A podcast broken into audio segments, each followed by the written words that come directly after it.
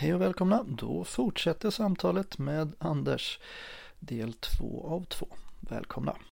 Farhågor? Anders, har du några sådana? Eh, jag är ju av den typen att jag har egentligen inte farhågor men jag ser ju många utmaningar.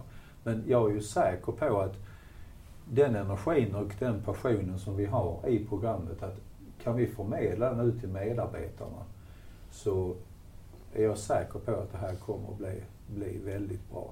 Men jag känner mig helt trygg i den produkten som vi har köpt och det arbete som vi lägger ner, att vi faktiskt kommer att leverera någonting som verkligen kommer att göra skillnad för medarbetarna.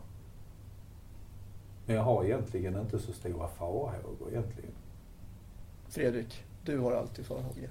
Ja, ja och nej. Eh, min farhåga är snarare, som nämnt innan, eh, tänk om det inte är så bra som vi tror. Det, det är egentligen det enda.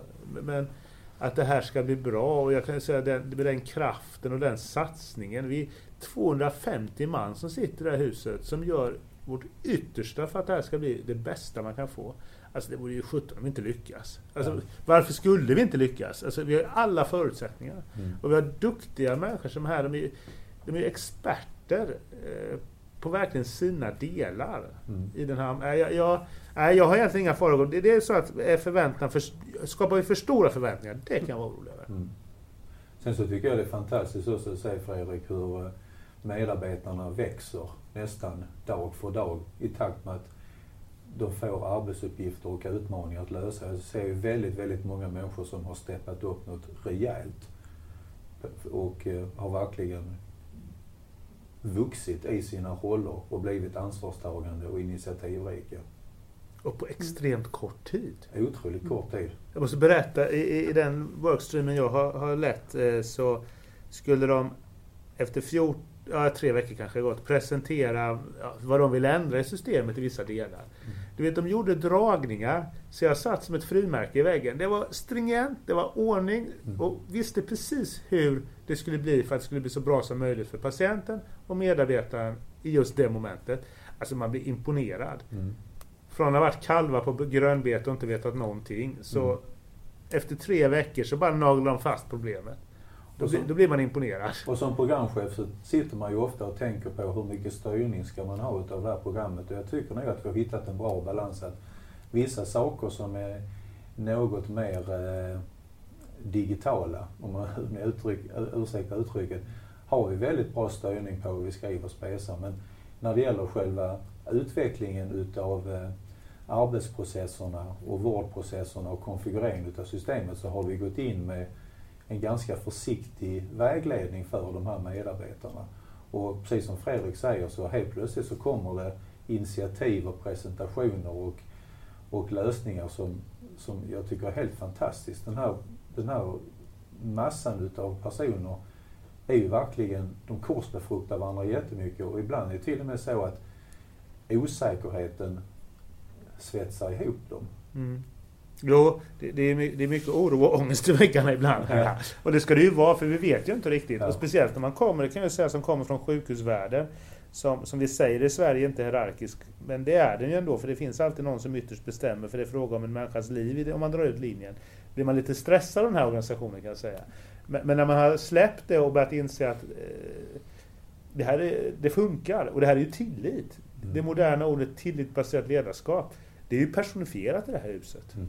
Ja, jag är glad att du säger det. det. Så känner jag också.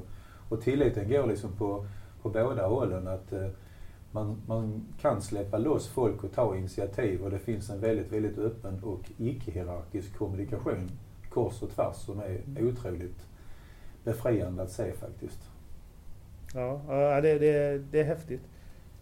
Sen så kan vi ju säga också nu när vi har kommit en bit på vägen att eh, det är ju verkligen något unikt som vi skapar med det här systemet och den implementationen som vi gör på regional nivå. Mm. På vilket sätt då? Mm. Det, det vi har lärt oss när vi har tittat på andra implementationer är ju att man, man är ganska duktig på många ställen att digitalisera ett sjukhus. Men 10 sjukhus och typ 200 vårdcentraler och andra förvaltningar sträckt över en region, det, det exemplet har vi nog inte riktigt sett någonstans på det viset. Och speciellt är, ju, är jag ju glad att vi har lyckats att hitta en beslutsmodell där, vi, där besluten faktiskt tas där kompetensen finns och inte på grund av en hierarkisk tillhörighet i regionen. Vi har ju fått ett enormt förtroende för, från förvaltningarna och regionledningen att göra någonting bra. Mm. Eh, jag tänkte på, vi har pratat lite om London tidigare. Vad är dina intryck ifrån om dagarna där? Mitt intryck är ju då att eh, det pratas väldigt mycket om Region Skåne. Och det tycker jag nog faktiskt att det gör man med rätta. Vi, vi eh, var en stor delegation och vi knöt mycket kontakter. Man ser ju verkligen det som, eh, som Sanders VD sa att eh, sjukvården är lokal men lösningarna är globala. Att man fick en insikt i en värld där man kan plocka lösningar och tankesätt ifrån många ställen och ta hem och göra någonting väldigt bra med.